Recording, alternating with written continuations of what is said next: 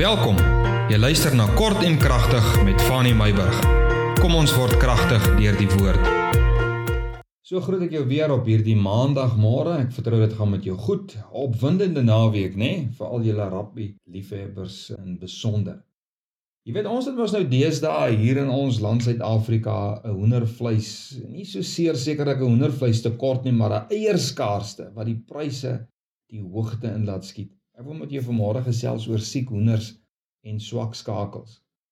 Jy weet as ek nou kyk na die dierpryse van eiers, ek verstaan mos nou alles en ek het begrip oor alles. Dat hulle nou die pryse hoog maak want die eiers is skaars, maar reg.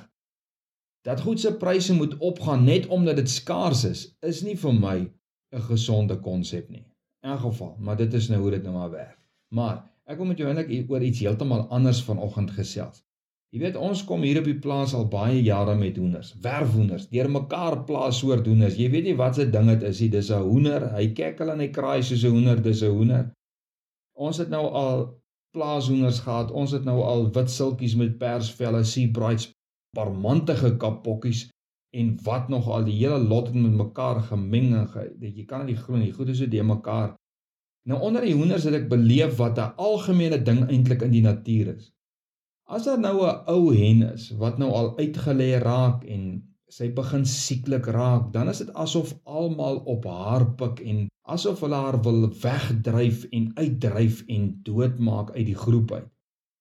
En dan gebruik ons mos nou ook die gesegde dat 'n ketting breek op sy swakste skakel. Nou, om nou terug te kom by Juda en Tamar se verhaal en ek gaan nou vandag nou eintlik afsluit oor Juda en Tamar se verhaal. Ons het nou 'n bietjie daarna gekyk. Sal julle nou onthou van laasweek se potgoeie hoe Juda aanhalingstekens per ongeluk met sy skoondogter gemeenskap gehad het. Nie dat 'n mens per ongeluk met iemand ehm um, gemeenskap het buite die huwelik nie. Dit daai ding werk nie so nie, maar in elk geval hy het 'n kind verwek haar. En ek wil hê jy moet uh, gerus hierdie hele verhaal as jy dit nou nie saam met ons gevolg het laasweek nie. Genesis 38 gaan lees die hele hoofstuk, dan gaan jy nou mooi verstaan. So vanmôre wil ek met jou saam lees Genesis 38 vers 12 tot vers 16. En na verloop van 'n geruime tyd het die dogter van Sua, die vrou van Juda, het gesterwe. En toe Juda nou klaar getree het, het hy opgegaan na die skeerders van sy kleinvee na Timna toe. Hy en sy vriende het saam met hom gegaan Hira. Hy is 'n Adulamit en hulle het Tamar te kenne gegee en gesê: "Kyk, jou skoonpa gaan op na Timna om sy kleinvee te skeer." Toe trek sy die klere van haar weduweeskap uit. Nou om dit te verstaan, gaan lees Genesis 38 Sy bedek haarself met 'n sluier, draai haar toe. Sy gaan sit by die ingang van Enaim wat op die pad na Timna lê, want sy het gesien dat Sela groot geword het, maar sy was aan hom nie as vrou gegee nie. Toe Juda haar sien, het hy haar vir 'n hoer gehou omdat sy haar gesig toegebind het en hy het na haar uitgedraai by die pad en gesê: "Kom tog, laat my by jou ingaan." En juis uit hierdie verhaal kom hierdie gedagte van siek hoenders en swak skakels. Jy weet ek vra myself die vraag af, hoekom het Juda geval vir Tamar, 'n oënskynlike hoer? Wat het Tamar van haar skoonpa geweet? Wat het sy in Juda se lewewyse opgetel toe sy by hulle gebly het dat sy kon weet dat hy gaan val vir 'n hoer? Het sy dalk 'n swak plek in sy karakter opgetel en juis op daardie swakheid gefokus om hom uit te haal en hom terug te kry vir wat hy aan haar gedoen het? Het sy op sy swak skakel gefokus om die krag van sy ketting te breek? Jy weet hierdie is nou alles geldige vrae waarvan ons nie eintlik antwoorde het nie en waaroor ek nie oor uh verder wil gis nie. Kom ons los dit daar. Maar ek wil eers met fokus op die begrip.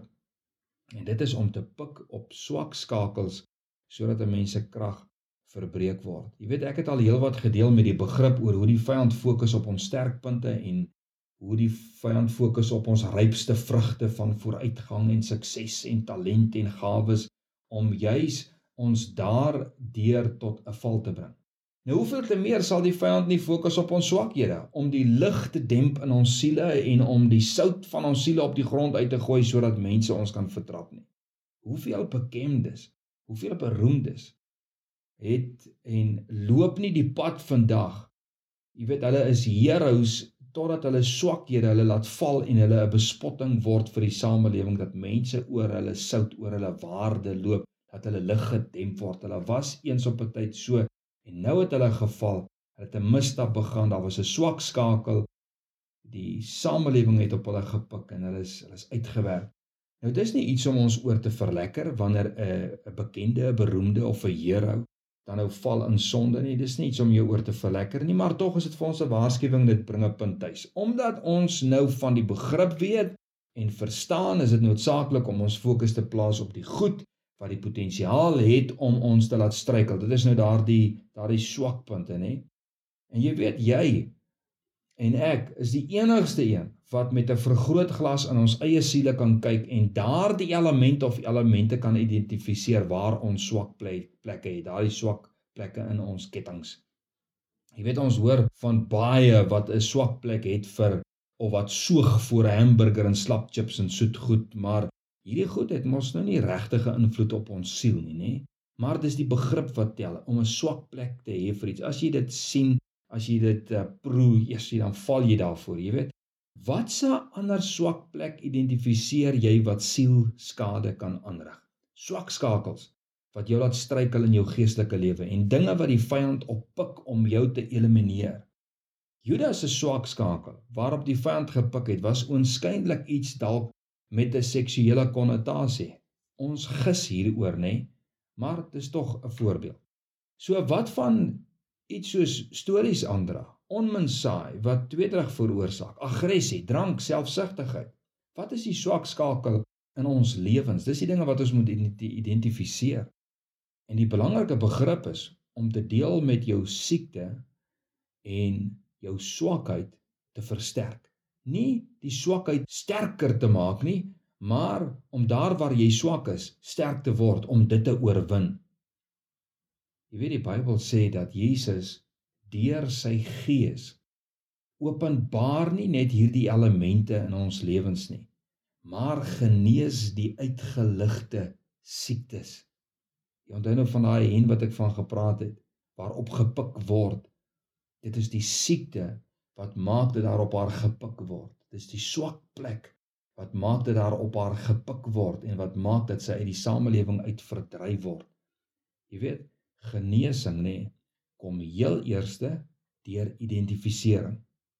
Belydenis en afhanklikheid van die geneesheer om jou te help met sy uitgebreide kennis en sy genesende krag.